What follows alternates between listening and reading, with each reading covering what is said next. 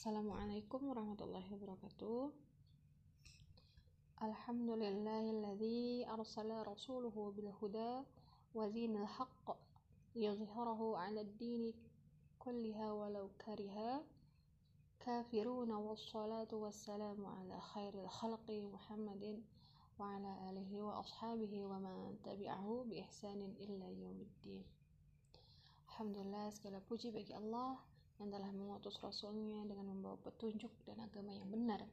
Dia memenangkan atas agama-agama, sekalipun orang-orang kafir membencinya. Dan semoga salawat serta salam tetap tercurah kepada sebaik-baiknya makhluk, yaitu Nabi Muhammad SAW, kepada keluarganya dan kepada para sahabatnya, serta para pengikutnya seperti kita sampai akhir zaman. Amin amin ya alamin. Alhamdulillah Allah berikan kesempatan malam ini untuk saya sharing tentang amalan-amalan yang dilarang, diperbolehkan, bahkan dianjurkan saat sedang haid.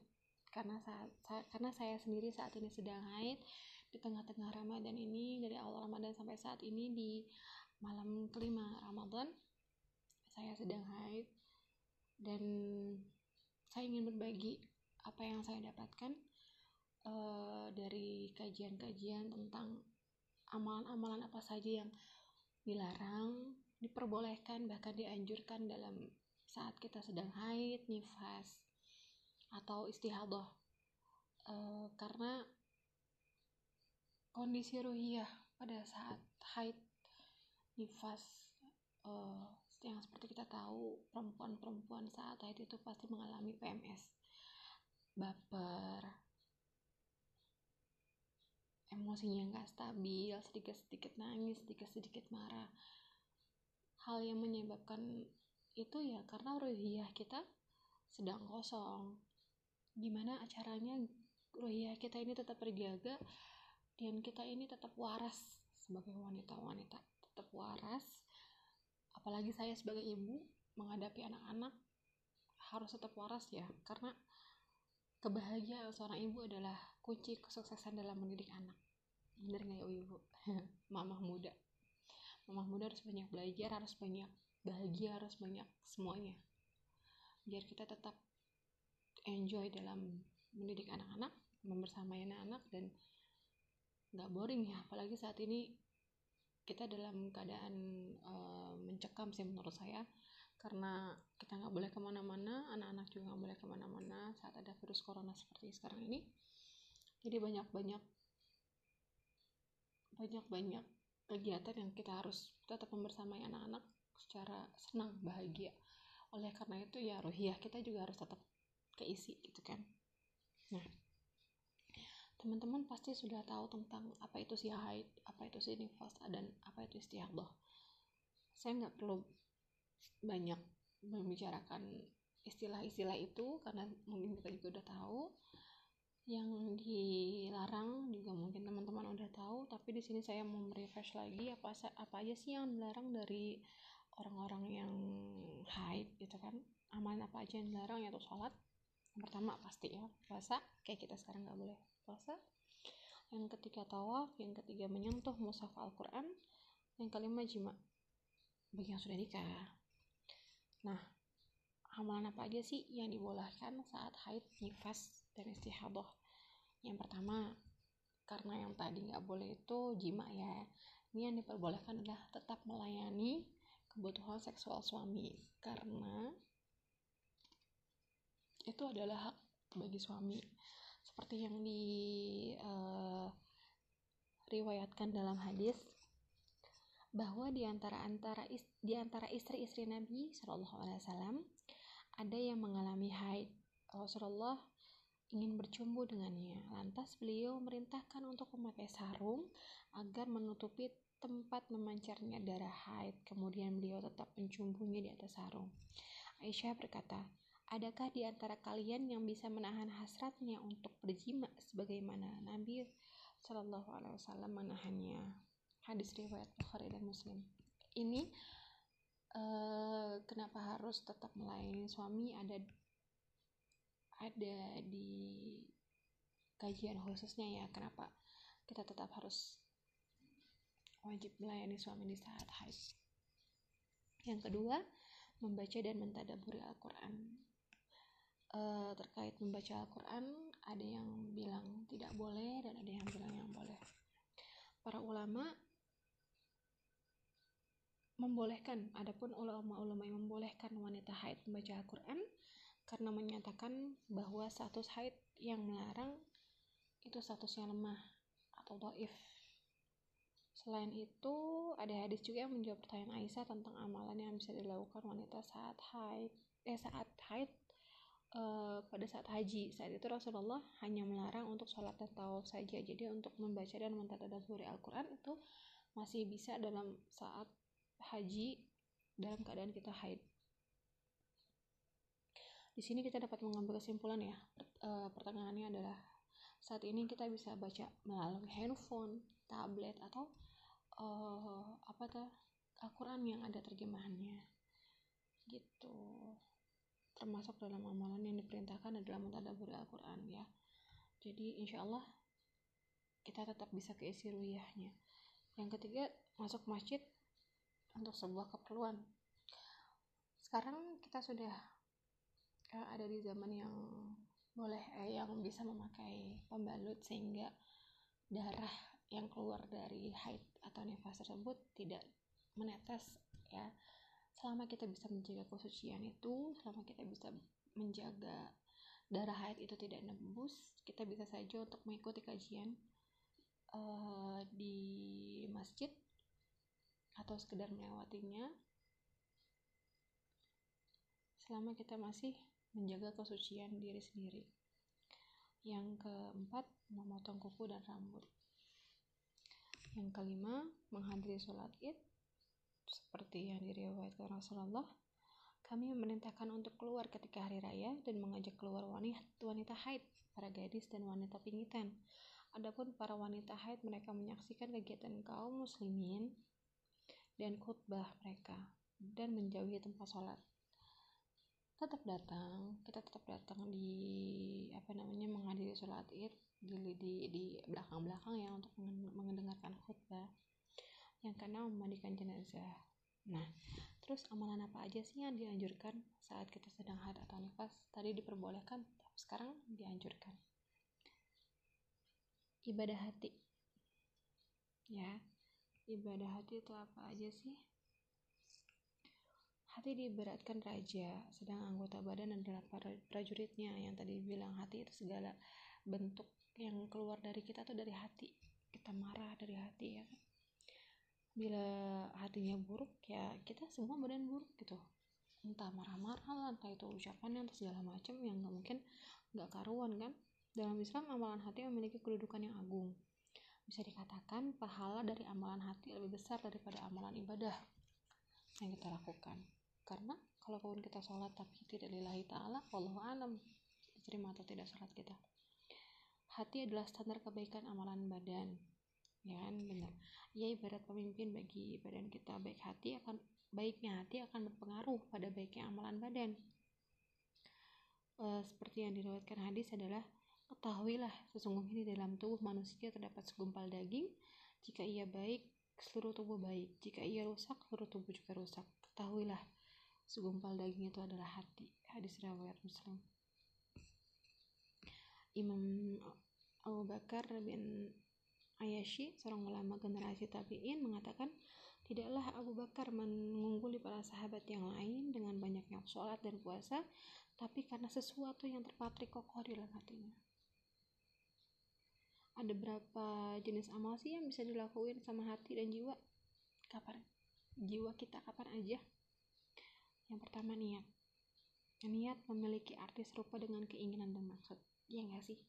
Iya, benar banget yang disertai dengan usaha kita niat kita lakuin lakuin perlakuan itu nah nggak asa dengan yang diterimanya suatu amalan tanpa niat yang kayak saya bilang tadi kita sholat tapi tidak lillahi kita Allah Allah alam akan diterima apa enggak jadi ibadah hati lebih lebih besar uh, manfaatnya ibrohnya daripada uh, ibadah badan ya.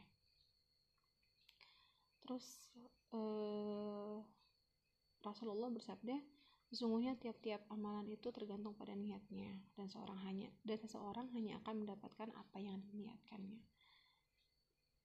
Jika suatu amalan yang dilakukan karena Allah maka dinamakan ikhlas yaitu yang artinya amalan tersebut tidak dilakukan dengan selain Allah. Yang kedua apa sih yang ibadah hati yang bisa kita lakuin? Tobat tobat dan asuha merupakan salah satu amalan wajib untuk selalu dilakukan. Karena terjatuh dalam memperdosa merupakan hal yang wajar bagi diri kita seperti memperbaharui niat, memperbaharui syahadat, memperbaharui sholat karena syaitan tidak akan berhenti untuk menggoda kita di awal, di tengah maupun di akhir. Semoga kita tetap memperbaharui niat, melakukan taubat hingga apa yang kita niatkan, apa yang kita lakukan dari awal, tengah hingga akhir itu benar-benar karena Allah Ta'ala. Yang ketiga adalah asidik. Benar atau jujur bersungguh-sungguh bagian terpenting dari seluruh amalan hati adalah asidik memiliki beberapa makna. Benar ucapannya benar dalam keinginan benar dalam janji benar dalam tekad benar dalam seluruh perkara agama serta benar dalam amalan sehingga membuat lahiriahnya sesuai dengan batinnya. Yang keempat al-mahabbah atau cinta. Amalan hati yang merupakan al-mahabbah cinta kepada Allah, cinta kepada Rasulnya, dan orang-orang yang beriman, maka kenikmatan iman akan didapatkan. Ter ada empat jenis mahabbah, yaitu mahabbatullah, rasa cinta kepada Allah, intinya merupakan adalah inti dari keimanan, kemudian cinta dan benci karena Allah, cinta bersama Allah, dan yang terakhir adalah cinta kepada sesama cinta karena Allah, benci karena Allah, dan cinta kepada sesama. Yang kelima, tawakal. Tawakal itu Allah, sikap hati yang berserah dan bergantung kepada Allah. Segala yang diinginkan serta menolak apa yang tidak diinginkan. Yang keenam adalah syukur, bersyukur atas apa yang Allah berikan, Allah tetapkan, dan percaya Allah itu sebaik-baiknya perencana, Allah itu sebaik-baiknya pemberi, Allah itu sebaik-baiknya yang maha mengetahui sedangkan kita tidak mengetahui apa-apa. Jadi husnuzan pada Allah, syukuri apa yang Allah kasih ke kita. Walaupun itu pahit, pahit, pahit. Yang keenam, yang ketujuh ya, yang ketujuh adalah sabar. Sabar, syukur, tawakal. Tiga itu ya mungkin agak susah agak susah saat kita mendapatkan ujian yang benar-benar membuat kita terpuruk. Tapi insya Allah itu akan menjadikan kita tetap menjadi orang-orang yang kuat. Dan ada lagi yang lebih susah. Apa itu? Ridho. Ridho itu merasa cukup dengan sesuatu. Ridho Allah memberikan ketetapan yang baik atau yang buruk kepada kita. Yang sembilan adalah khusyuk. Khusyuk itu adalah pengagungan hancur luluhnya hati dalam ketudukan di hadapan Allah. Segala ibadah yang disyariatkan padanya khusyuk, maka pahalanya bergantung pada sejauh mana khusyukan dan ketudukan kepada Allah.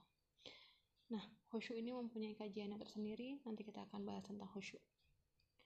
Yang ke-10 adalah raja. Raja dapat diartikan sebagai memandang luasnya rahmat Allah atau mengharapkan keridhaan Allah dari rahmatnya. Khauf yang ke-11.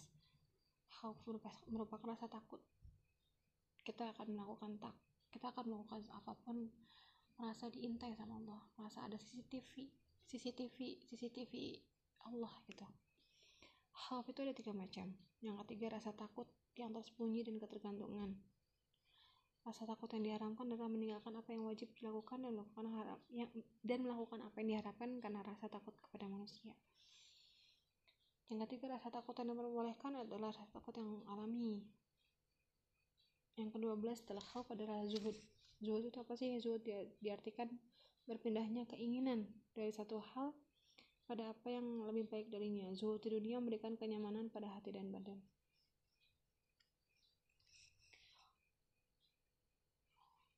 Zuhud. Itu zuhud. Terus uh, tadi amalan kolbiah atau ibadah hati yang kedua jasa dia ibadah fisik ketika wanita saat haid tidak diperbolehkan tadi apa melaksanakan sholat dan puasa kedua amalan tersebut termasuk dalam dalam amal jasa dia Meskipun begitu, masih banyak sih ibadah fisik yang tetap bisa kita lakukan dalam keadaan haid maupun nifas. Misalnya membantu orang lain, habli minanas ya. Dalam yang termasuk ibadah jasa dia adalah ketika memfungsikan seluruh organ tubuh kita untuk kemanfaatan, kebaikan, dan ketaatan kepada Allah, menghadiri majelis ilmu, silaturahim, terus ikut bergabung dalam teman-teman yang aktif dengan agenda dan gaya dakwah, merupakan alternatif ibadah jasa dia yang bisa kita lakukan. Maka telinga kita, kaki kita, tangan kita, semua yang ada di badan kita ini diarahkan untuk ibadah. Kaki kita berjalan ke, ke majelis-majelis ilmu, telinga kita mendengarkan apa yang disampaikan oleh para ustazah, ustadz, yang mata kita melihat yang baik-baik, ya. Yang ketiga adalah ma'aliyah atau ibadah harta. Ini ibadah harta ibadah harta ini ya termasuk infak sedekah sedekah ya kan? Yang ketiga eh yang keempat adalah ibadah dengan lisan. Ibadah dengan lisan apa sih? Ibadah dengan lisan adalah kita perbanyak zikir berkata-kata yang baik perbanyak istighfar. Apabila kita saat emosi sedang labil saat-saat haid langsung istighfar. Salah satunya tadi ya diperbolehkan untuk membaca Al-Quran di ponsel. Yang kelima akliyah atau ibadah akal. Jadi si ibadah akal dapat memberikan ciptaan alam semesta. Ilmu ilmu dan nutrisi. Jadi kita bisa baca buku dengerin kajian yang bisa menambah-nambah Eh, pengetahuan kita di tentang ilmu-ilmu agama, ilmu-ilmu kehidupan, ilmu tentang parenting atau segala macam yang bisa yang bisa membuat kita menambah ilmu dengan ketaatan kepada Allah Subhanahu wa taala. Uh, mungkin itu saja yang bisa saya sharing tentang amalan-amalan apa saja sih yang dilarang, diperbolehkan uh, bahkan dianjurkan dalam keadaan kita haid, nifas atau istihadah. Semoga kita termasuk orang-orang yang selalu menjaga ketaatan kepada Allah, selalu menjadikan waktu adalah hal yang bukan untuk sia-sia, mau belajar dan selalu menjaga kualitas rohiyah kita pada Allah. Semoga Allah ridho dengan apa yang saya sampaikan ini dan bermanfaat bagi kita semua khususnya untuk saya diri, saya, diri saya sendiri. Alhamdulillah sekarang sudah menunjukkan pukul 11 malam. Besok insya Allah bangun sahur lagi aktivitas lagi bersama anak-anak. Terima kasih atas sharingnya. Kesalahan hanyalah milik saya dan kebenaran Allah. Allahu'alam Wassalamualaikum warahmatullahi wabarakatuh. Selamat istirahat semuanya